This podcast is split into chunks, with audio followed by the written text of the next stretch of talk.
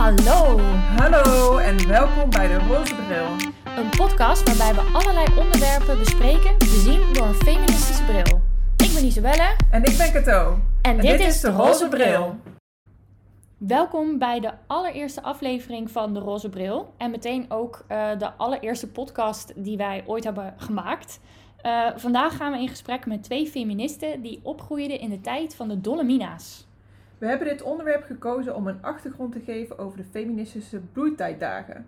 Met deze blik kijken we dan waarom het vandaag de dag nog steeds nodig is. Maar nu eerst is het tijd voor de rubriek Maandelijkse Mijmeringen. Ik ben al een maand in de ban van eh, de militaire coup in Myanmar. Dat is hoofdzakelijk eh, heel deprimerend en vreselijk nieuws. Maar ik zag ook een eh, opvallend bericht wat te maken heeft met vrouwen. Eh, in Myanmar draagt iedereen longis. Dat zijn een soort wikkeldoeken. Mannen en vrouwen dragen dat allebei. En ehm, er is een eh, heel sterk bijgeloof eh, onder de mannen. Dat als zij onder een waslijn doorlopen met vrouwelijke longies, dat ze hun mannelijkheid verliezen. dus tijdens een militaire coup hebben vrouwen massaal waslijnen over de weg gespannen. Om zo de trucks te stoppen. en, Oh dat, wauw. en dat werkt. Zo, wat leuk. Wat goed. En wat is jou eh, deze maand opgevallen? Nou, deze week zag ik bij de NOS... Ex-partners staan in toeslagenaffaire voorlopig met lege handen. Volgens onderzoek waren vrouwen vaak degene die de toeslag aanvraagden. En waren dus de vrouwen die werden aangemerkt als fraudeur. Dat is natuurlijk een heel probleem aan zich. Maar heeft er tot nu toe geleid dat ex-partners, in dit geval dus veelal mannen, ondanks hun financiële en emotionele schade, nu met lege handen zijn komen te staan. Al het geld gaat naar de directe slachtoffers. Ik vind dat dit niet de bedoeling mag zijn als we Hmm. streven naar gelijke rechten voor vrouwen en mannen en we beide als gelijkwaardig in een relatie willen zien. Dus dat vond ik heel opvallend. Ja, heel erg opvallend. En eh, ja, ook weer een hele stereotype benadering van de kindzorg. Ja, Dan gaan we nu verder met de vorige generatie feministen. We gaan ze even voorstellen. Aan de keukentafel zit Marije en Elle belt in. Marije is 64 jaar en komt uit Amsterdam. Ze is inmiddels al twee jaar gepensioneerd, maar heeft altijd gewerkt in de zorg. Eerst als verpleegkundige en daarna als trainster en opleider. Toen ze kinderen kreeg, verhuilde ze de stad voor de Zaanstreek, waar ze nu woont met haar man. Onze andere gast is Ellen. Zij is 66 jaar en vluchtte juist het dorp uit de stad in. Elle komt uit Oost-Brabant. Ze heeft een eigen bedrijf, het, Dila- het Dilemma Drama, Communicatie en Kunsten. Ze is trainster en kunstenares en woont samen met haar man in een bos. Ellen is ook mijn moeder.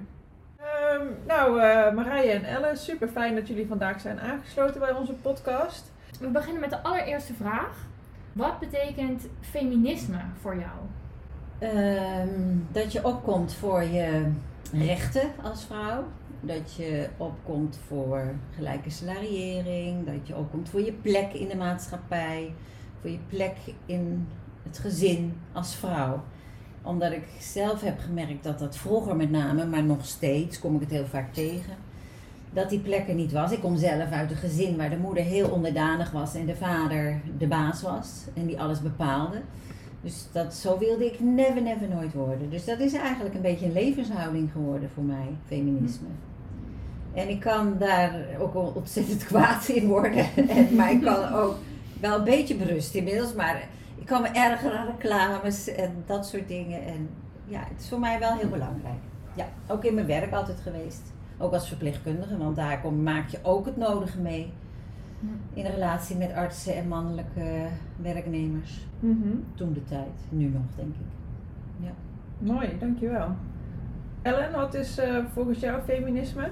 Ja, nou, voor mij een politieke, culturele, sociale strijd. Het is echt een strijd. ehm, waarin je steeds alert moet zijn eh, op de ongelijkheid die er institutioneel in de maatschappij is ingesloten. geslopen. En dat is niet alleen maatschappelijk, maar dat is in relaties, dat is in eh, moeder-kind, eh, in alle gelederen, eh, op het werk, eh, man, vrouw, in alle gelederen kom je het tegen. Dus vandaar het is voor mij ook heel erg ook een politieke Uh, dus niet alleen een privé maar ook een soort politieke strijd. En met name een maatschappelijke strijd. Zoals jij zegt dat je je ergert aan reclame. Nou, reclame geeft een enorm goed beeld hoe de wereld eruit uh, ziet. Hoe uh, men het leven betracht en hoe men vindt welke rollen men moet bekleden. En ik, feminisme is dus een actieve woord om juist die rollen uh, die te bestrijden, zoveel mogelijk. En uh, Ellen, heb je ook een, uh, een heldin, of mag ook een held zijn trouwens, een, een vrouw of een man, die voor jou symbool staat voor het feminisme of een, een voorbeeld? Ik vind Hedy Dancona een, een duidelijke vrouw die um, heel sterk het feminisme ook um, een, een politiek ja, eigenlijk op politieke poten en handen en voeten heeft gegeven. En met name, zij heeft natuurlijk, zij hebben die, die tijd, dat is natuurlijk die hele Dolomina-beweging. Dan was ik jong, dus dat was voor mij wel een voorbeeld. Um, heeft namelijk uh, gezorgd dat het een politiek issue werd en dat arbeid voor vrouwen belangrijk werd. En dat vind ik de autonomie van vrouwen vind ik heel belangrijk in, in, in feminisme ook. Mhm. En zij hebben daar heel sterk uh, een stempel op gedrukt. Um, baas en eigen buik, buik recht op abortus, recht op zelf te kiezen voor de kinderen, recht op je eigen seksualiteit, recht op arbeid, recht op onderwijs, recht op gelijke behandeling, man-vrouw maatschappij. Ik bedoel, daar is het wel ontstaan in de jaren zestig. En van daaruit kwamen er ook heel veel stromingen dan kreeg je ook de femsok-bewegingen tot het anarcho-feminisme, wat geweldig leuk was, uh, omdat het veel meer tegen alles inbeukte op een hele ludieke manier. Dus die, het is niet alleen één vrouw, maar het is met name de beweging geweest in de jaren 70, met alle afscheidingen van dien. Ja, die uh, dat zo geweldig is geweest, omdat daar enorm veel energie in zat. Daar zat een power in van hier tot Tokio. Ja, wat wil je nog meer, zou ik zeggen?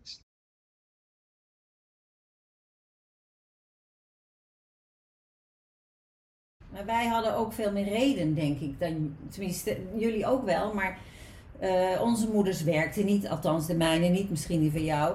Maar dat was ja. nou dan dat je werkte als moeder zijnde. En mhm. als je juffrouw, voor, eh, als je docent voor de klas was, dan moest je stoppen met werken in die tijd.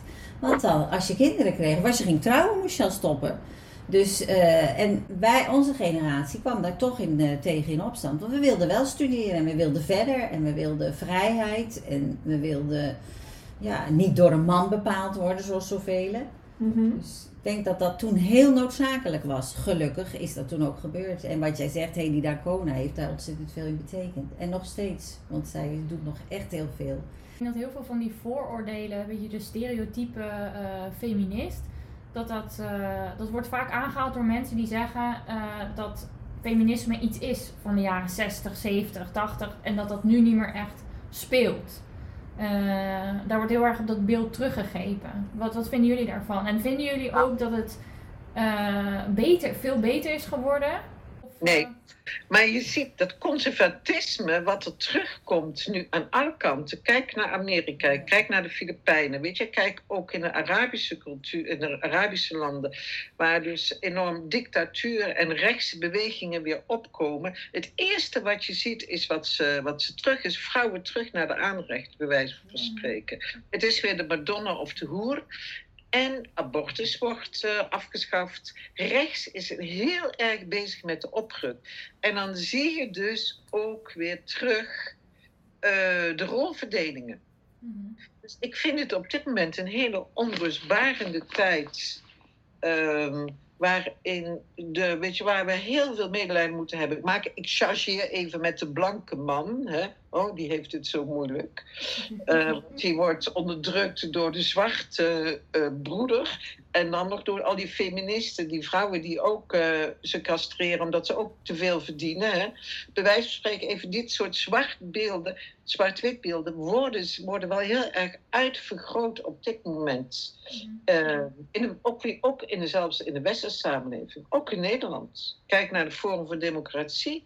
Nou, je ziet het gewoon. En PVV, dat zijn de uh, de discriminatie is niet alleen naar andere bevolking, maar je ziet het ook naar de vrouwen. Het is weer terug naar de jaren 50.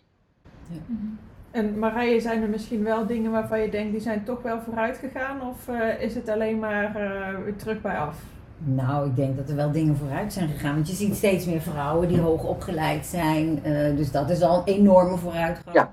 Ja. Uh, dat er aan de universiteit, hogescholen, mbo steeds meer jongere, jonge vrouwen zijn die daar uh, plaats innemen. Echt goede plekken. En ook heel actief zijn, ook politiek actief. Toevallig was ik aan het kijken naar waar ik op ga kiezen. Welke partij? Toen zag ik dat met name bij de PvdA heel veel vrouwen op de kieslijst staan. Toen dacht ik, nou, dat is al een, weer een hele grote vooruitgang. Daar zijn ze daar natuurlijk ook wel mee bezig. Maar bij mhm. andere partijen wel weer minder hoor. Bij wat rechtsere partijen zie je dat veel minder. Dus dat is vooruit gegaan. Ik zie in mijn eigen generatie vrouwen dat we toch heel erg gegroeid zijn wij zelf. In de loop der jaren. En ik zelf ook. Het was niet een makkelijke strijd en nog steeds niet, want we, we gaan gewoon door.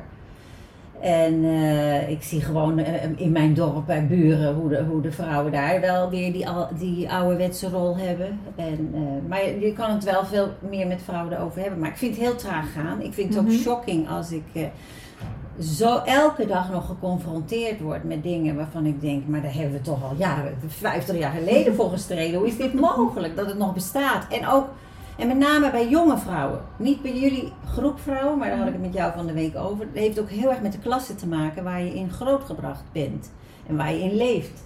Klassenverschillen maken ook heel erg verschillen tussen mannen en vrouwen. Uh, en dat dan niet zozeer vrouwen moeten daar werken omdat ze brood op de plank moeten brengen, maar mm -hmm. uh, ja, zich toch veel minder ontwikkelen. Dat, dat, ja. en, nou, en in het vak verplegen, waar jij het net over had, heb ik altijd nog zorgwekkend gevonden.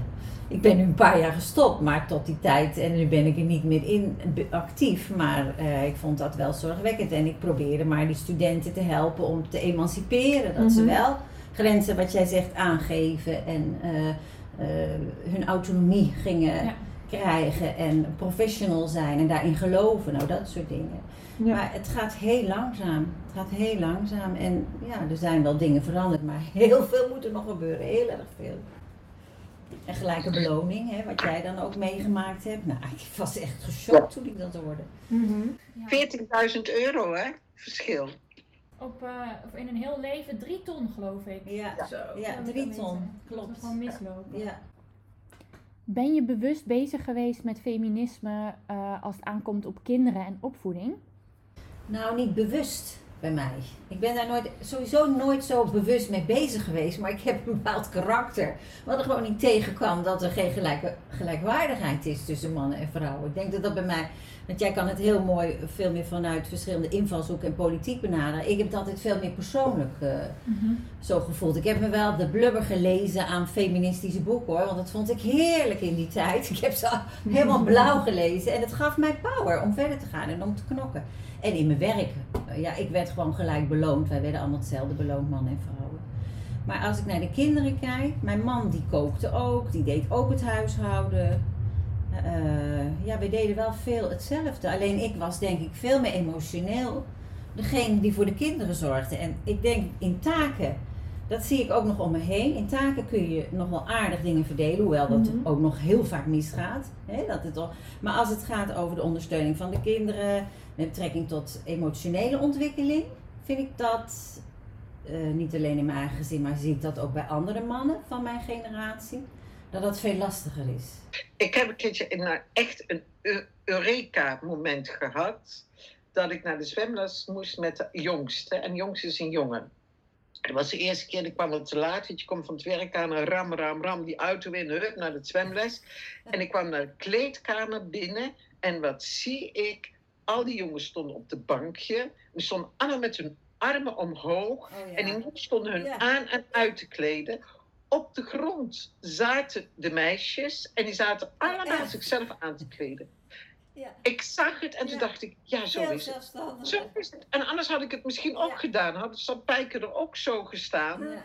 En had ik ook keurig eh, zijn trui uitgetrokken. Nou, ik weet dat ik in een flits heb ik hem die badtas gegeven. En ik had gezegd, kleed je uit, ik zie je straks. en ik ben nog steeds dankbaar voor dat moment. Toen dacht ik, oh ja, zo zit het. Maar ik eh, trok altijd de kritiek aan van een van de dochters. Van, ja, ik kreeg nooit een leuke jurk van jou. Dat ik denk, en dacht ik... Shit, je hebt dat nooit aan je vader gezegd. Je hebt dat nooit, die kritiek tegen je vader gezegd. Ja, ja, ja. En op een gegeven moment zei ik dat tegen en toen zei ze, ja dat klopt, mam. Ja. Eh, maar zo weet je, zo vanzelfsprekend Ja. dat je weer bepaalde taken en eh, dingen op je neemt en je daar dus ook schuldig in voelt. Dat eeuwige schuldig Ja, dat voelen. schuldgevoel, dat heb ik ook heel En erg gehad. Dat ik- ballen in de lucht houden. Ik weet wel dat ik zoiets had. En ik doe mijn, ik ben ambitieus, ik doe mijn werk, maar ik ben ook, ik ga niet eh, voor directeur, want dat vond ik ook niks. Maar dus, maar ik heb wel mijn kwaliteit, ik heb mijn integriteit, ik wil mijn baan, mijn werk hebben, mijn zelfstandigheid. Ik wil mijn kinderen goed opvoeden, ik wil ze meer aandacht geven dan mijn moeder deed. Ik wil ook nog dat ze van alles meekreeg. Dus in die tussentijd had ik als, eh, als vrouw wel veel meer ballen in de lucht. Dat Ja. was de andere Nou, kant. dat hè. Dat is de nekslag Ja. ook.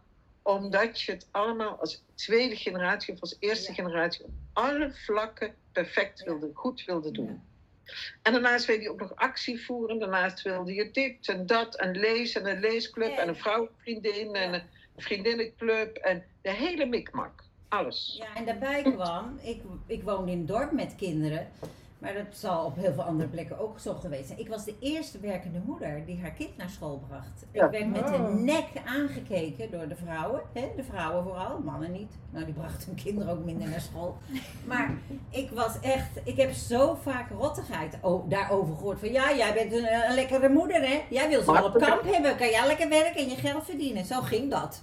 Vreselijk. Er was ook nog helemaal geen opvang, er was helemaal niks. En dat Ja. heeft heel lang geduurd. En toen kwam er na een jaar een andere moeder die ook ging werken.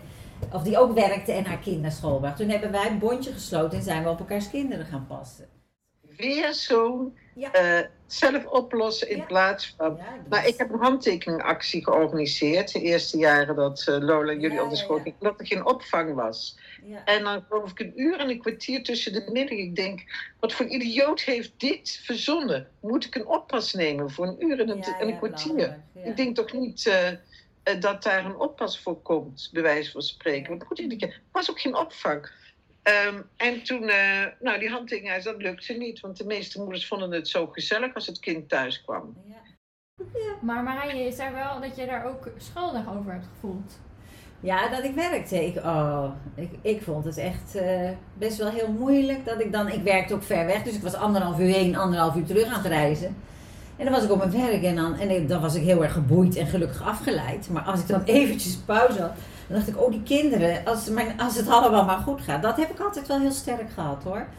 En dat vond ik moeilijk en dan voelde ik me ook wel eens schuldig. Dat ik, ja, ik zou er moeten zijn. En, eh, maar ik zag ook wel dat ze het heel goed deden. Ja. Want zij, en toen was er een, op een gegeven moment een kinderdagverblijf. Ja, dat vonden ze eh, heel fijn en dat ging prima. Dus dat ging ook heel makkelijk. Gelukkig waren er ook lekker, ja, kinderen, maar daar heb je zelf de hand in hoor. Die makkelijk voegden altijd. Dus, En denk je dat je man eh, datzelfde schuldgevoel had? nee, helemaal niet. Absoluut niet. Nee hoor, helemaal niet. En, en we deden allebei evenveel daarin. Hij bracht ze naar de crash of ik. Ja, was maar net wie het eerst eh, op, de, op het werk moest zijn en wie het eerst naar huis kon. Nee, die heeft zich nooit schuldig gevoeld. Eh, welke keuzes heb jij gemaakt uit overtuiging eh, versus persoonlijke wil en maatschappelijke druk? Dus heb jij keuzes gemaakt in je leven waarvan je denkt, deze heb ik gedaan omdat eh, ik het maatschappelijke druk voelde of omdat je eigenlijk persoonlijk een ander pad wilde kiezen? Nou, ik denk dat ik vanuit maatschappelijke druk en ja, en zeker in die tijd me toch wel om die reden dat dat meegewerkt heeft dat ik de zorg ingegaan ben. Ik ben natuurlijk begonnen als verpleegkundige ooit. Eh, ja, dat deden meisjes, is nu nog steeds trouwens, vooral vrouwen die dat doen, hoewel dat minder is. Maar dat heeft voor mij wel belangrijk, een belangrijke rol gespeeld. Ik weet nog goed, ja, dat is misschien niet de maatschappelijke druk, Maar ik denk wel dat dat de maatschappij heel bepalend is geweest en eh, hoe mijn moeder was. Maar mijn moeder die zei toen ik geboren werd, ha fijn, ze had al een zoon, een meisje, die gaat voor me zorgen. Later, ik werd behoorlijk uh, eigen gereid, want ik dacht dat gaat me niet gebeuren. Altijd maar voor iedereen zorgen, vreselijk. Voor mijn moeder die de helft van de tijd ziek was. Dus toen ben ik me wel op een gegeven moment in mijn puberteit wel veel meer los gaan maken. Wel die zorg me nog steeds aansprak, maar ik wou arts worden, dat had ik eigenlijk liever gewild. Maar ja, ik ben van school gestuurd op een gegeven moment. Daar hebben mijn ouders me nooit in gesteund. Want die zeiden, word jij maar moeder. Ik ben natuurlijk een kind van de jaren zestig. Ik wilde naar de academie en ik wilde dat politiek, wilde ik via theater, politiek toneel, wilde ik maatschappij veranderen. Dat vond ik heel erg tegenvallen. Uh, met name, ja, als je op een toneelschool zit, het seksisme is overal. Ben jij een beetje als vrouw te.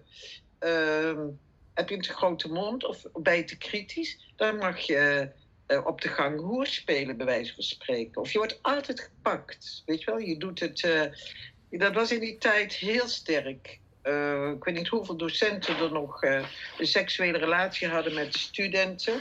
Nou, dus er was van alles mis. En een vriendin en ik hebben toen een eigen opleiding gemaakt op school, omdat we ontevreden waren over het onderwijs. Nou, dat is echt iets, dat zou ik anders nooit verzonnen hebben als wij de tijd niet mee hadden gehad. Want het is natuurlijk nogal van een uh, optimisme om te zeggen, of van een arrogantie.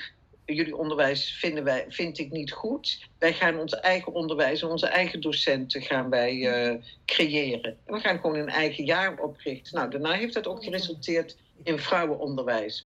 Dat is heel maatschappelijk de keuze, maar die heb ik echt te danken aan de tijd. De mhm. tijd, de sky was the limit. Zo voelde ik het. Alles was mogelijk, in tegenstelling tot nu.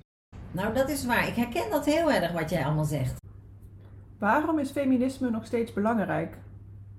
Feminisme is nog steeds belangrijk en met name omdat ik denk dat dat zorgt dat iedereen adem krijgt en genoeg levensadem door de invloed van buiten, maar ook je intrinsieke uh, remmingen als vrouw kunnen ervoor zorgen dat het je adem beneemt. Dat je je, dat je je toch nog een beetje verstikt in de rollen. Waar ik heel erg tegenop heb geageerd toen ik nog geen kleinkinderen had. Denk, shit, al die vrouwen zijn 50, 55, zijn allemaal mantelzorgers voor hun moeders en vaders werken nog, want het is dubbel. Vooral in de zorg. Kijk maar eens in de bejaarden, weet je, mensen met lager ook geschoolde, zware banen. Daarnaast krijgen hun dochters en hun zonen ook nog kinderen. Moeten ze daar ook nog voor zorgen, weet je wel? Zo'n duizend poots, zo'n vijftig ballen omhoog houden. Maar ik merk ook dat ik gewoon verbraafd ben. Ik ben gewoon wat minder anarchistisch. Ik ben gewoon een keurige mevrouw eigenlijk. Ja, niet helemaal. Maar ja, soms denk ik echt, die, uh, die spuitbus, ik moet gewoon weer de straat op, bij wijze van spreken. Ik ben ook, krijg tranen in mijn ogen als ik die jonge generatie zie, die scholieren. Nou, daar krijg ik een energie van, dat vind ik zo geweldig. Waarom denken jullie dat het uh, zo uh, verwaterd is? Dat die strijd van vroeger, dat het nu weer een beetje meer de conservatieve kant op gaat? Marktwerking. Neoliberalisme. Ja, ik denk echt neoliberalisme, marktwerking. De jaren zijn echt heel belangrijk geworden. Kijk maar eens bijvoorbeeld hoe, je, hoe banen en hoe sectoren zijn gewaardeerd. Mm. Onderwijs is, wordt niet gewaardeerd, zorg wordt niet gewaardeerd. Er zitten toevallig wel veel vrouwen. Bankwezen, bij wijze van spreken beurzen, ondanks al de schandalen die we hebben gehad in 2007, heeft nog steeds meer status-economie. Als je ziet dat de, uh, de zorgtaken nog steeds uh, heel erg met vrouwen en minder, minder betalingen worden geassocieerd. In de zachte sector. Alleen al het woord, terwijl je de verantwoordelijkheid hebt voor de volgende generaties. Man, je geeft toch iedereen een verantwoordelijkheid, zorg. Uh, dat zijn de basissen van een, een, maatschappij waarin je wil leven, van een humanistisch goed maatschappij. En als je ziet dat die vestings, die pilaren, door de vrije marktwerking zo aan het dichten zijn geworden, het heeft dat direct ook te maken met gender. Ik geloof daar heel heilig in. Voor mij is dat echt. eh, en misschien zit ik fout, ik weet niet wat jij erover denkt, maar ik denk echt dat merk, marktwerking daar een enorm. En dat individualisme natuurlijk, solidariteit is ook weg natuurlijk met eh, marktwerking. Wat ik wel denk is dat er zoveel veranderd is, ook in gezinnen in- eh, vroeger. Eh, ik denk na de oorlog, dat heeft denk ik met de geschiedenis te maken. Vrouwen, onze ouders wilden dat wij ver kwamen en dat we vooruit gingen. En alles kon in ieder geval, financieel. Ja. Maar er waren studiebeurzen, er, er waren heel veel mogelijkheden, ook voor meisjes.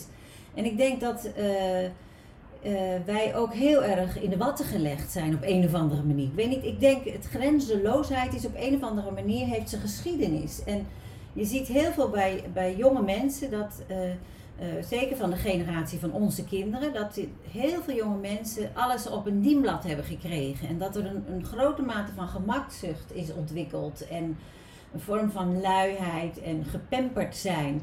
Ik denk dat dat ook wel een rol speelt daarbij. En dat het veel moeilijker is om te kiezen. Wij hadden niet zoveel te kiezen. Mhm. Eh, daarom Oh. knok je voor wat je wilde, want dat wilde je. En dat zou je krijgen, want daar, maar daar moest je toen nog voor knokken. En dat is allemaal heel erg veranderd. Ik denk dat het de mentaliteit heel erg veranderd is.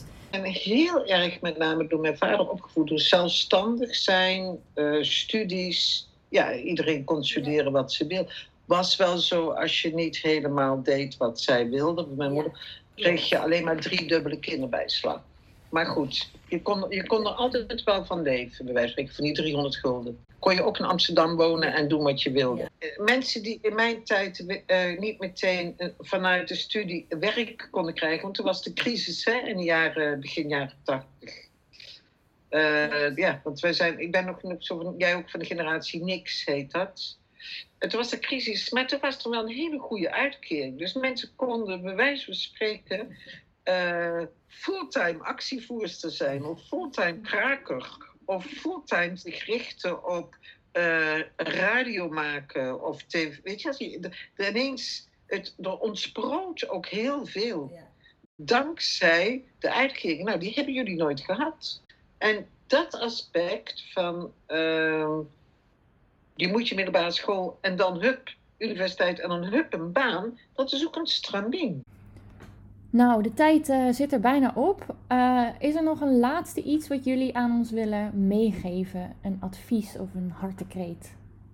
Genoeg. blijf, blijf je eigen doelen nastreven. En je eigen zelfstandigheid bewaken. Ook als je straks kinderen hebt, eh Cato. En, eh, en ja, hou die gelijkwaardigheid met elkaar en heb het erover. Met elkaar eh, in een relatie, maar daarbuiten knok vooral op je werk dat je gelijke beloning hebt. En dat je gelijke plekken hebt in je werk. En dat er veel vrouwen komen. En leidinggevende vrouwen vooral. Ja, ik heb nog wel een toevoeging. Vriendinnenschap. Ja, ook. Ik heb zoveel aan mijn vriendinnen waar ik mee gestudeerd heb. Vriendinnenschap, alsjeblieft, hou het hoog. Dat vind ik een hele mooie afsluiter. Ja. Zo, wat vond je van ons eh, allereerste interview? Ik vond het echt super interessant. Ik vond het vooral heel opvallend dat feminisme destijds in de jaren 70 veel meer onderdeel bleek te zijn van het dagelijkse leven en waar da- mensen dagelijks mee bezig waren. En ook dat eh, de, de tijd of de maatschappij er ook heel veel ruimte voor, voor bracht. Mhm. Dat vond ik echt heel interessant om te horen. En jij? Ja, daar helemaal mee eens. Eh, vergeleken met, eh, met deze twee dames is onze generatie behoorlijk ingekakt. Ehm, en wat ik ook opvallend vond was dat, dat er op, in, in die tijd aan de ene kant meer mogelijkheden waren, maar vooral omdat er nog geen gebaande paden waren. Dus ze hadden niet zoveel te kiezen, maar daardoor gingen ze ook extra hard knokken. Mm, ja. En dat, dat, dat is ook echt een tegenstelling met onze tijd. Ja, heel mooi. En daarbij vond ik ook hun voorbeelden, voorbeelden heel tekenend. Van de Mhm. vrouwen of de andere vrouwen op de eh, schoolplein. Ja. En het omkleden van zoons in, eh, Ja. bij de zwemles. Dus eh, al in al vond ik het echt een heel mooi inkijk in de vorige generatie feministen. ja, wel een geslaagde eerste aflevering. Precies. En nog een leuke afsluiter van het interview. Beide dames waren zo zelfkritisch dat ze niet wilden luisteren naar de podcast alvorens het werd gepubliceerd. Bedankt voor het luisteren. Als je vragen hebt, ideeën uh, of een keertje met ons wil komen praten, stuur dan een mailtje naar derozebril.gmail.com. En nog een laatste shout-out naar onze producers, Michael en PJ. Tot, de volgende keer.